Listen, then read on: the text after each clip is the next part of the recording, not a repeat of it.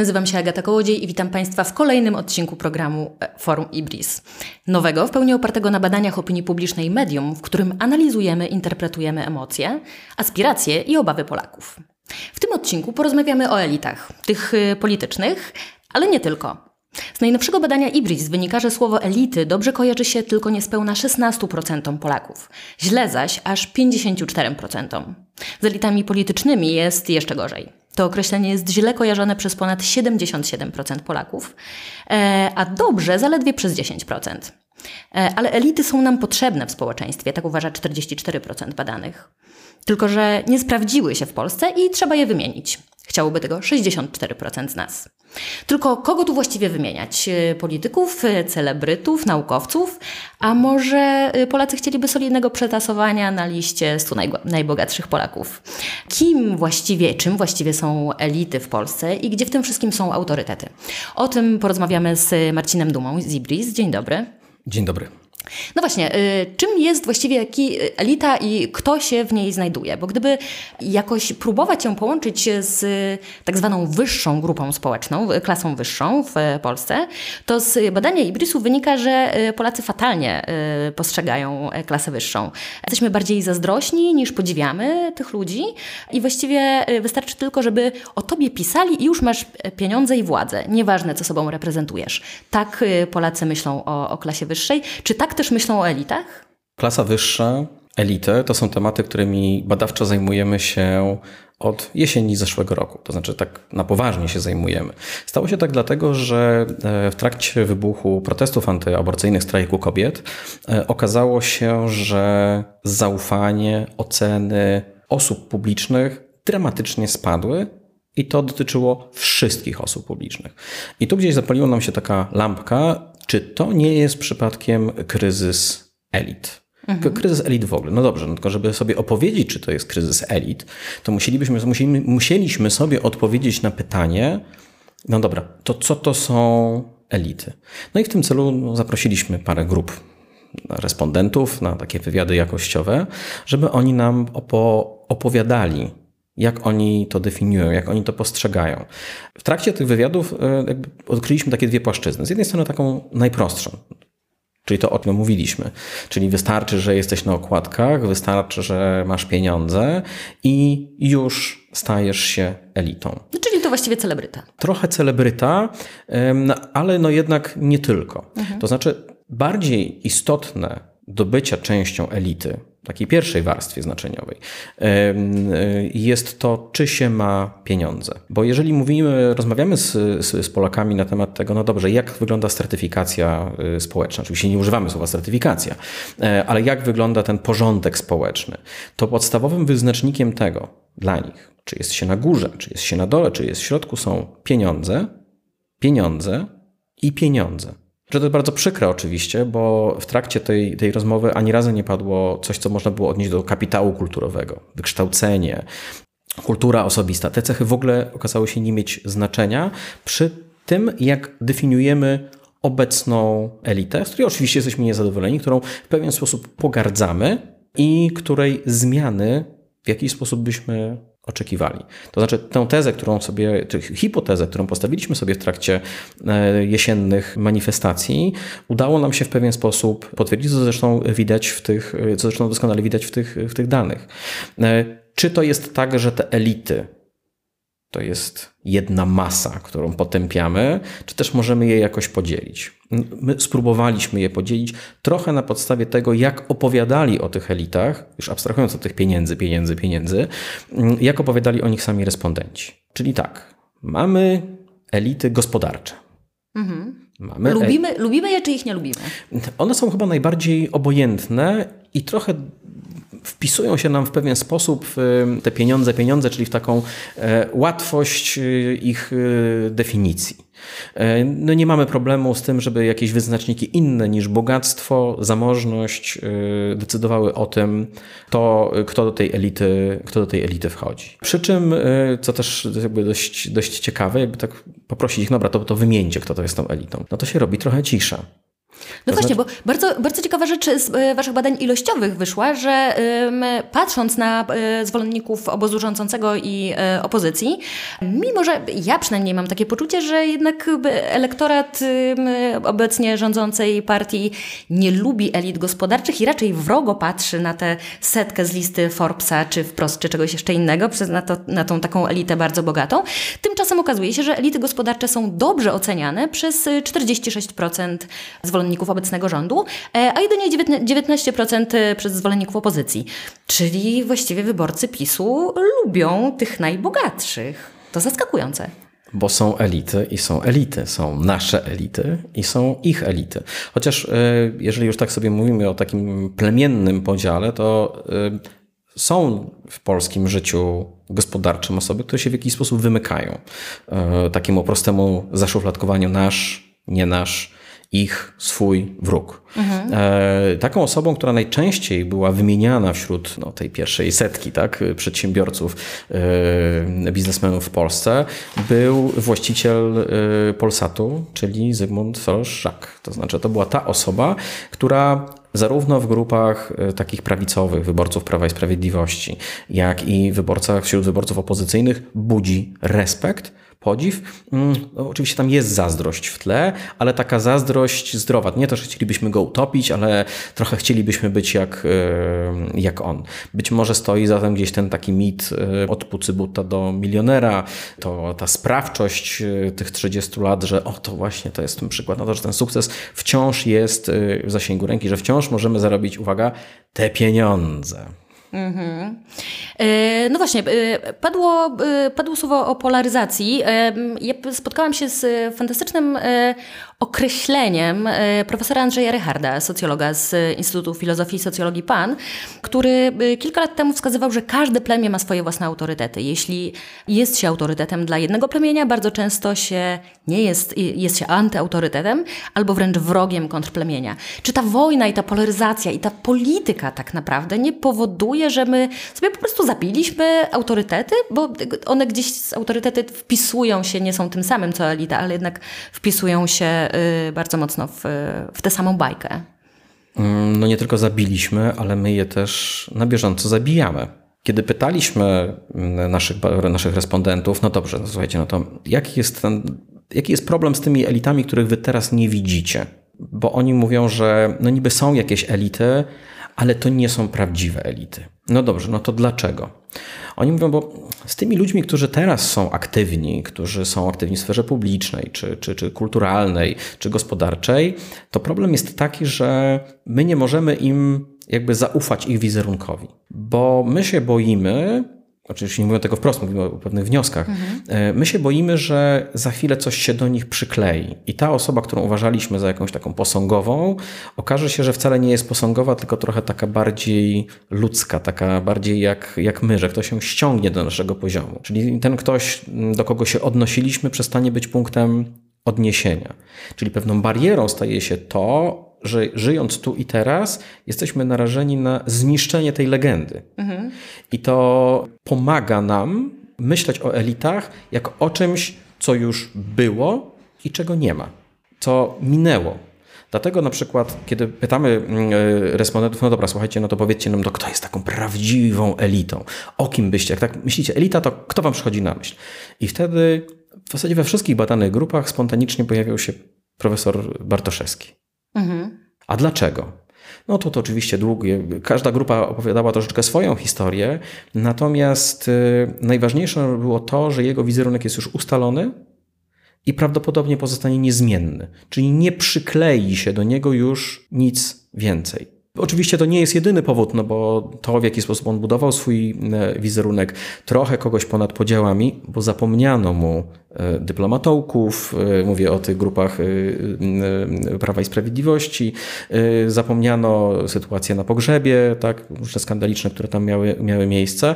On wszedł już gdzieś do tego panteonu właśnie przez to, że on jest uważany za człowieka bez skazy który nic dla siebie z tej działalności publicznej nie miał i nie chciał mieć. Mhm. A i co tu oczywiście, co tu się pojawia w tle? Pojawiają się pieniądze, tak? które trzeba mieć, ale na które nie można się rzucać, y, y, żeby być tą taką prawdziwą y, elitą.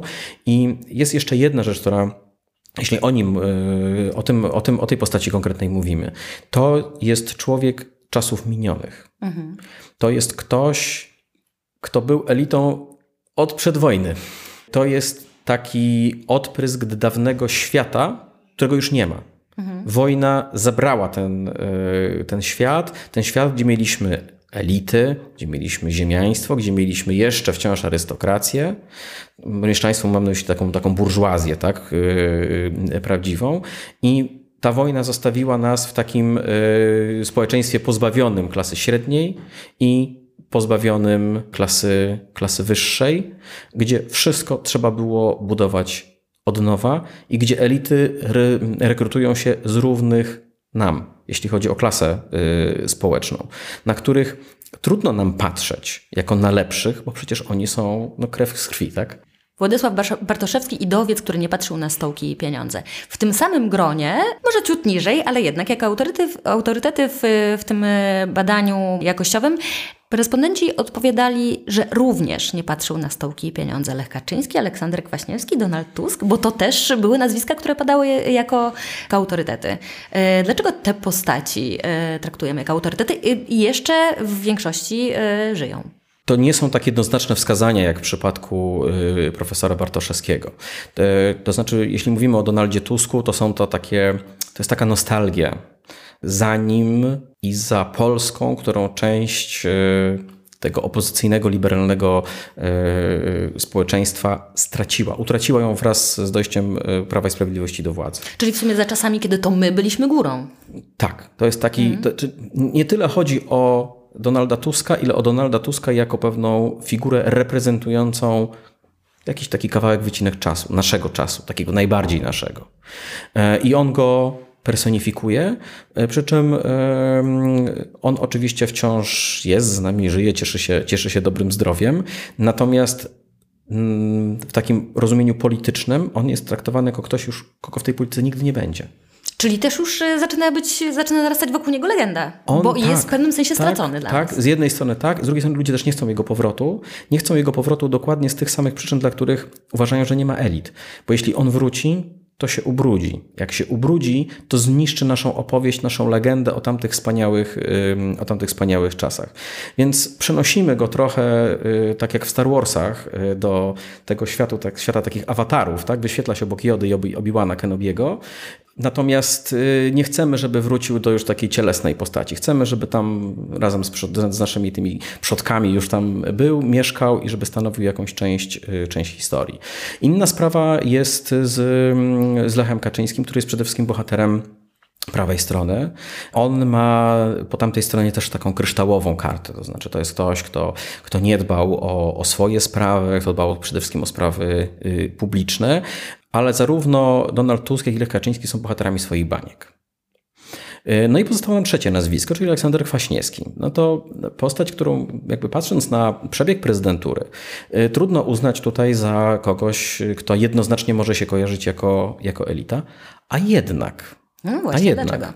jak to powiedział któryś y, z, z, z badanych, to może nie był najlepszy prezydent, ale jest najlepszy były prezydent. Od czasu jego urzędowania minęło już trochę, trochę lat i pewne negatywne y, czynniki, które wpływały na jego wizerunek, trochę się zatarły. Problemy z przypadłościami filipińskimi, one nigdy nie były tak wielkim problemem, jakby chciano to uczynić, y, jakby chcieli to uczynić jego przeciwnicy, no bo to akurat w Polsce nie jest może tak wielki problem, żeby trzeba było go, e, trzeba było go piętnować. Poza tym te dwie kadencje, kojarzą się z pewnym okresem stabilności. Zresztą tak dobrą sprawę żadnej stabilności nie było. Tam też była twarda walka polityczna, ale myśmy to już w jakiś sposób wymazali.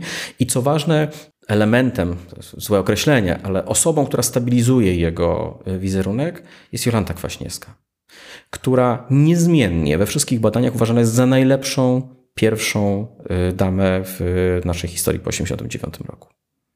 E, no właśnie, skoro jesteśmy przy nazwiskach politycznych, to jeszcze nawiążę do e, ostatniego rankingu zaufania z marca, który pokazuje, że wbrew temu, co zwykle się dzieje, czyli że to prezydent e, jest na pierwszym miejscu w rankingu zaufania, właściwie niezależnie od tego, co zrobi.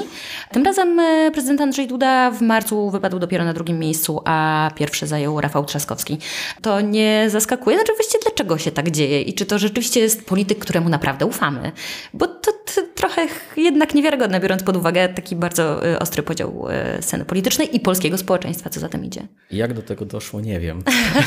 nie, znaczy wiem.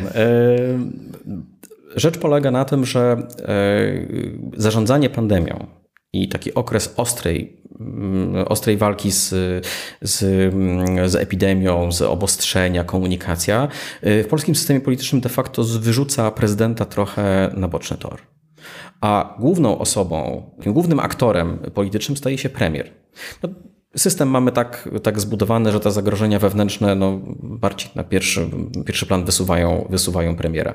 Co więcej, mm, to jest tak, że myśmy to już obserwowali e, wiosną zeszłego roku, kiedy Andrzej Duda zniknął, rozpłynął się. Nawet kiedy stawał mm, na konferencji razem z, Łukaszem Szumowskim i e, z premierem Morawieckim, to tak w zasadzie jakby go nie było. Był takim trochę jak paprotka.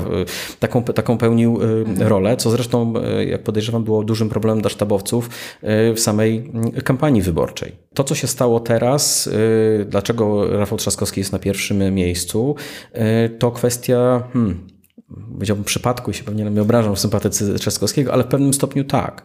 To znaczy Rafał Trzaskowski ma dobre, to znaczy wysokie zaufanie, ale jednak w tym rankingu, o którym mówimy, on też stracił, tylko że stracił mniej niż Andrzej Duda, który stracił więcej i spadł na drugie miejsce. Mhm. Istotne w tym rankingu jest coś, co nam może umyka, no bo patrzymy, kto jest pierwszy, kto jest drugi, to ile tam procent ma. Ważna jest y, taka ocena netto, to znaczy jaka jest nadwyżka pozytywnych nad negatywnymi albo w drugą stronę. Niestety większość polityków, tych pierwszoplanowych, ma ten bilans ujemny, to znaczy jest więcej osób, która im nie ufa, niż tych, które jednak mają do nich swoje zaufanie. I tu być może teza profesora Rycharda się kłania, to znaczy, że możesz być bohaterem, ale w swoim plemieniu. Mhm. E, czyli w takim razie, okej, okay, wszystko się zgadza, polityków trzeba wymienić, e, a których nie trzeba wymienić? Znaczy, którzy mają ten e, netto wychodzą na plus? Tu mamy dwie, dwie postacie, które wychodzą na ten plus. To jest minister zdrowia Adam Niedzielski i Władysław Kośniak-Kamysz, który od pewnego czasu z drobnymi przerwami e, miewa takie momenty, w których, których ma więcej sympatyków niż, e, niż tych, którzy, którzy, którzy mu nie ufają, którzy go nie lubią. To, co się wydarzyło ostatnio, czyli ten, takie wyjście znowu na plus, e, to kwestia mm, jego aktywności w szpitalu, podejrzewam. Mhm. Kiedy on zostawił trochę politykę, mówił, nie mogę występować w programach, albo nadawał bezpośrednio ze szpitala, gdzie na trzy tygodnie jakby poświęcił się trochę czemuś innemu. Myślę, że to Polacy mogli docenić. Czy w dłuższej perspektywie też to się utrzyma, to już jest jakby odrębna, mm, odrębna sprawa. Czyli na razie tylko chwilowo Kosiniak i Niedzielski nie muszą odejść. Z Niedzielskim problem jest, problem jest taki, że być może on też nie ma takiej wysokiej rozpoznawalności. To znaczy nam się wydaje, tym, którzy konsumują politykę non-stop. I z wybiegami oglądają konferencje i prasowe. Z wybiegami oglądają konferencje prasowe, że przecież wszyscy wiedzą, kto to jest Niedzielski. Albo wszyscy wiedzą, kto to jest minister Dworczyk. Natomiast y, no, rzeczywistość jest troszeczkę inna. Zaryzykowałbym tezę, że no, myślę, że prawie 50% może tych osób nie, nie kojarzyć z nazwiskiem, może nie wiedzieć, kto to, kto to jest. Mhm. Mimo nieustannej podaży informacji i, i, występowania. E, bo to się wiąże z, z, z tym, że między wyborami tych osób, które tak mocno konsumują politykę, tych takich polityk, political junkies e, jest tak do 10%. E, tych, którzy no trochę mniej, ale jednak się interesują tą, tą, tą polityką, jest 20 y, do 30, czyli razem mamy 40% osób, które w jakiś sposób tą politykę y, uważniej y, śledzą. To wróćmy do autorytetów, które mogą być y, jednak powszechne nie, i nie dotyczą tylko części zainteresowanej wyłącznie, wyłącznie polityką. Robert Lewandowski, jeszcze tak wracając do tych nazwisk, które padały, kto jest dla nas autorytetem, i polscy skoczkowie. I tu jakby chyba ponad podziałami, prawda? To jest zupełnie apolityczne nazwisko. Ale o ile pewnie jeszcze by dekadę albo kilka dekad temu Jan Paweł II, papież, może w ten sposób, papież był pewnie niepolityczny i papież zawsze był e, dla nas autorytetem, ale y, być może dlatego, że był naszym papieżem, że był papieżem Polakiem, bo właściwie papież Franciszek też jest wskazywany jako autorytet dla Polaków, ale już zastanawiam się, czy, y, czy tu znowu nie wchodzi polaryzacja, tak? By sprzed kilku dni memy, które mają dużo prawdy w tym, że, że papież Franciszek e, obraża uczucia religijne Polaków, tak? To już on już nie, niekoniecznie jest autorytetem i w ogóle nie jest papieżem dla części Polaków. No też w ogóle zostawmy te, takie dywagacje na boku, natomiast rzeczywiście jest tak, że Jan Paweł II, który wydawało nam się, że będzie taką postacią, która we wszystkich grupach e, w ten czy inny sposób zostanie wskazana jako, mhm. jako taki przedstawiciel elit, pojawił się w zasadzie tylko w grupach prawicowych, grupach Prawa i Sprawiedliwości. E, to znaczy, że ani w grupie mm, opozycyjnej, tej takiej bardziej liberalnej opozycji, czy tam takiej bardziej centrowej, czy w ogóle lewicowej, e, ta postać w ogóle się nie pojawiła. Mhm. Być może to związane jest z tym, że Kościół przeżywa pewien kryzys, a zatem i sama postać Jana Pawła II no, nie narzuca się tak mocno, tak, jeśli mówimy o, mm, o elitach. Być może gdybyśmy przeprowadzali to badanie ciut wcześniej, y, byłoby inaczej, ciut rok, dwa lata temu. Natomiast jeżeli postawilibyśmy taką hipotezę, to ona prowadzi nas tylko i wyłącznie do wniosku następującego, a mianowicie mamy kryzys elit i być może nie tylko, nie tylko politycznych. Mhm. No właśnie, czy do tego kryzysu elit, bo samo słowo elita w ogóle, już zostawiając też politykę, ono się nam bardzo źle kojarzy.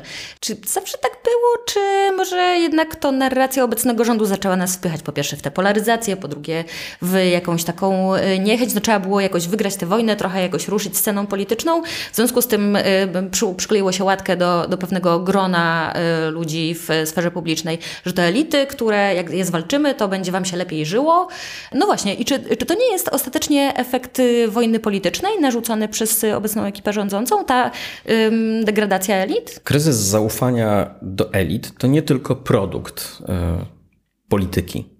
Mhm. To także pewna emocja, bo to, to nie jest nasza polska specyfika. Jeśli spojrzymy sobie, nie wiem, na Włochy, na Francję, tam partie, które surfują na antyelitarnych y, emocjach, no, one są obecne w polityce i całkiem dobrze sobie, całkiem dobrze sobie radzą. Zastanawiają się, czy Marie Le Pen tym razem da radę wygrać y, w, we Francji. A ona surfuje na przecież antyelitarnych emocjach, chociaż de facto sama jest częścią elity politycznej, ale zostawmy to na boku. Matteo Salvini czy bracia Włosi, dwie, dwie partie, zdecydowanie zbudowane na anty, antyelitaryzmie, jeśli chodzi o, o Włochy. No i czy polskie Prawo i Sprawiedliwość, czy Konfederacja, która na takim na takiej emocji surfuje, czy ona ją stworzyła, czy też określiła ją, że ona się znajduje i po prostu ze swoją deską surfingową wsiadła na tą emocję. Myślę, że raczej to drugie, że to jest surfowanie na, pewnej, na pewnym e, sentymencie, który jest, który się nasila i wykorzystywanie go w celach e, politycznych. Czy to daje efekt takiej złej synergii? No tak, daje, bo to, że ten, że ten sentyment podbijamy, to, że staramy się go wykorzystywać, my wzmacniamy ten efekt. Mhm. Znaczy my, polityka to robi. I zdecydowanie, i zdecydowanie polityka to swoiste ocieplenie klimatu, chociaż to jest raczej chyba ochłodzenie klimatu, e, jeśli chodzi o politykę i elity e, generuje. Mhm. E, jaka powinna być elita według Polaków? Czego my właściwie chcemy od tych elit, skoro one nie spełniają w tej chwili naszych oczekiwań? To jaka, jaka powinna być elita w ogóle, nie tylko elita polityczna? Wobec elity politycznej mam trochę inne oczekiwania, więc zostawmy to, mhm. zostawmy na chwilkę to na boku. Jeżeli pytaliśmy ich, co to jest ta elita, i mówili pieniądze, pieniądze, pieniądze, pieniądze. Tak jak pytaliśmy, czym powinna być elita, mhm. to te pieniądze się już nie pojawiają. Tu pojawia się ten, te elementy kapitału kulturowego i pewnej hmm, czystości moralnej. To znaczy, chcielibyśmy, żeby elity były wyzute z takiego własnego interesu, kierowania się własnym, własnym interesem, oczywiście ekonomicznym. Czyli, żeby oni nie chcieli tych pieniędzy.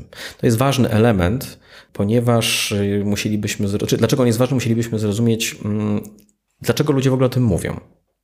Bo jeżeli dla nich pieniądze są ważne i oni uważają za pieniądze za pewien punkt odniesienia, także dla siebie, do swojej sytuacji, to oni by chcieli, żeby te elity były od nich lepsze żeby one wzniosły się na ten poziom, na który oni, który oni czują, że nie są w stanie e, wejść. Mhm.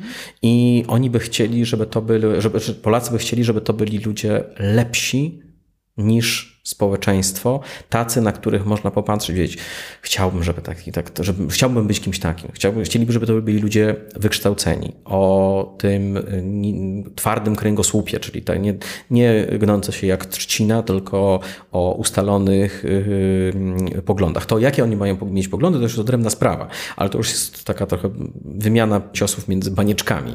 Yy, więc zostawmy to. Chodzi o to, żeby to byli ludzie stali w swoich yy, poglądach i jak mówiłem, nie zorientowani na swój własny interes. Lepsi od nas. No właśnie, więc y, zostawiając y, polityków z boku, czy to y, powinni być ludzie kultury, czy jednak y, afera szczepionkowa z celebrytami zepchnęła nas bardziej w takie myślenie, że, że no nie, ci, ci, ci ludzie kultury to może nie, niekoniecznie mają takie y, bardzo wysokie standardy moralne, więc może ich też trzeba mieć, może naukowcy. Kogo, w której grupie może najłatwiej szukać takich przykładów i takich osób, które mogą spełniać te nasze marzenia? Szczepienia są w ogóle ciekawym tropem, mhm. ale tylko tropem, bo ten trop doprowadza nas do pojęcia znacznie szerszego, czyli do pandemii, no, mhm. która przeorała naszą rzeczywistość, to jakby rzecz bezdyskusyjna. Natomiast ona spowodowała pewien głód z jednej strony, głód przywództwa, ale nie takiego przywództwa tylko politycznego, chociaż też, ale takiego przywództwa merytorycznego, eksperckiego. Podczas rozmów z, z Polakami usłyszeliśmy taką rzecz, że oni by chcieli, żeby tych ekspertów, tych profesorów, tych chociażby, którzy są, wypowiadają się z jednej strony w mediach, no tutaj znowu wracam do tej elity, tak? To są ci, którzy są w mediach, no ale być może oni nie mają dostępu do innych, mhm. żeby ci profesorowie medycyny, e, żeby ich rola w tym życiu publicznym i zarządzaniu tą pandemią była większa. Bo e, mają takie przeświadczenie Polacy, że to jest pewien punkt odniesienia. To znaczy, ci ludzie ich rady, ich eksperckość i oni są gotowi powierzyć im swój los. Chociaż widzą, że politycy nie do końca się mm, z tym zawsze zgadzają i nie do końca chcą te rady stosować. To znajduje też swoje odzwierciedlenie w, w tym badaniu, że te elity naukowe to są, to jest, to jest ten kawałek elit, który Polacy najmniej chętnie by wymienili. Czyli Najwięcej jest osób, które by ich pozostawiły i najmniej tych, które powiedziały, że to wszystko do wymiany. To jest efekt pandemii i być może ciężka praca takich profesorów jak Simon, Good, Horban końcu chyba przez y, bardzo, bardzo długi czas nie docenialiśmy y, naukowców, prawda? Uważaliśmy, że żyją sobie w jakiejś tam y, swojej własnej jaskini i właściwie to nie mają wpływu na nasze życie. No zobaczymy, do, ile to potrwa ten efekt oczywiście, tak? Bo być może okaże się, że pandemia już jest za nami i będziemy mogli, no mamy taką zdolność szybkiego zapominania mhm. i, i pożegnania się, szczególnie jeżeli ci naukowcy i profesorowie staną nam na drodze do szczęścia. A nasze szczęście to otwarcie i zapomnijmy o tym, że ten wirus jest, jest z nami, a jak oni będą gęgać jak te gęsi kapitolińskie, że to jest zagrożenie, że to coś. No, różnie może być z tym zaufaniem. Za chwilę miłość może się przerodzić w nienawiść. No w niechęć. no dobrze, to czego w takim razie oczekujemy od elity politycznej? Czy czekamy na takiego wielkiego bohatera na białym koniu, który Zawsze. wróci, ale to nie może być Donald Tusk przecież. Więc kto? On musi wyrosnąć dopiero. Kto to może być? Jest głód. Jest duży głód yy, przywództwa politycznego. E, zastępujemy sobie to na razie troszeczkę tymi elitami naukowymi, natomiast e, chcielibyśmy e, kogoś, kto byłby, jak oni ładnie to mówią, z jednej strony lwem, a z drugiej strony sową. U Machiavellego był lis, no ale powiedzmy, że to mniej więcej na to samo wychodzi. Mhm. No sowa to jest ten atrybut mądrości, takiej refleksji, doświadczenia, no a lew to jest ten zwierzę waleczne i królewskie, władcze. Jeżeli mielibyśmy sobie to przenieść z tych zwierząt na, na taką opowieść, to poszukujemy kogoś, kto byłby z jednej strony władcą. Władca to ktoś taki, jakiego patrzymy i on nie potrzebuje używać siły ani żadnych innych argumentów, on po prostu mówi, a my jesteśmy gotowi to, to zrobić, jesteśmy gotowi za nim pójść. Ale z drugiej strony oczekujemy też mędrca. To znaczy kogoś, kogo spra czyja sprawczość wynika z tego, że my uznajemy, że on wie lepiej, a wie lepiej, bo jest kompetentny, wie lepiej, bo ma doświadczenie, wykształcenie i to wszystko potwierdza zarówno swoim y, CV, jak i, jak i swoim takim wizerunkiem. Znaczy, jak wychodzi ten człowiek, patrzymy na niego, to mówimy, o tak, to jest właśnie ten facet. Tak? Czy są tacy ludzie w tej chwili na scenie politycznej? Mamy pretendentów. O, Mamy pretendentów do takiej Jakich? roli. Mamy y, y, Rafała Trzaskowskiego i Szymona Hołownię. Ale dlaczego mówię pretendentów? Bo żaden z nich tej roli jeszcze nie objął. I y, Polacy trochę się boją im przyznać tę rolę. Z jednej strony ten Trzaskowski, no to niby ten lew jest, tak? No ale czy z tą sową jest? Czy, czy on na pewno jest tą sową? E, Z drugiej strony jest Hołownia, który no zdecydowanie sową jest, ale co z tym lwem? Myślę, że w najbliższym czasie to się będzie musiało rozstrzygnąć, bo jak nie, to przyjdzie myśliwy i wygoni Trzaskowskiego i Hołownię z lasu. To znaczy przyjdzie ktoś, to y, dużo lepiej będzie atrybuował te, te cechy, które Polacy oczekują i być może będzie w stanie od nich, y, będzie, będzie w stanie im sympatię Polaków zabrać. Czy to jest ktoś konkretny, kogo możemy pokazać? No myślę, że nie, ale takie figury polityczne, publiczne mają czasem taką tendencję do po prostu pojawiania się. A czy my y, może z drugiej strony nie mamy y, za dużych oczekiwań, że jednocześnie potężny Mamy. władca, mądry, a jednocześnie przebojowy i waleczny, że po prostu należy y, pozostać przy swoich marzeniach, niech to będą tam jakieś nasze, no właśnie, niespełnione marzenia, Ależ trzeba zejść na ziemię po prostu. żyć w świecie bajek. No I właśnie. opowieści i legend. To jest troszeczkę tak, że Polacy są jak z powieści Tolkiena. To znaczy te elity, ci wielcy, to są te elfy, co odpłynęły już na zachód. Wysokie elfy, których już nie ma praktycznie. Zostaliśmy my, ludzie tutaj w tych swoich miastach brudnych, są jeszcze jakieś tam krasnoludy się y, przemykają y, boczkami, ale my cały czas marzymy. Cały czas marzymy o tych elfach i nie potrafimy dostrzec tych cech w naszym własnym gatunku. Mhm. A marzenia na zawsze muszą pozostać marzeniami i może to właściwie dobrze, od tego są marzenia. To prawda. Bardzo dziękuję za rozmowę. Moim gościem był Marcin Duma z Ibris. Dziękuję. Dziękuję bardzo.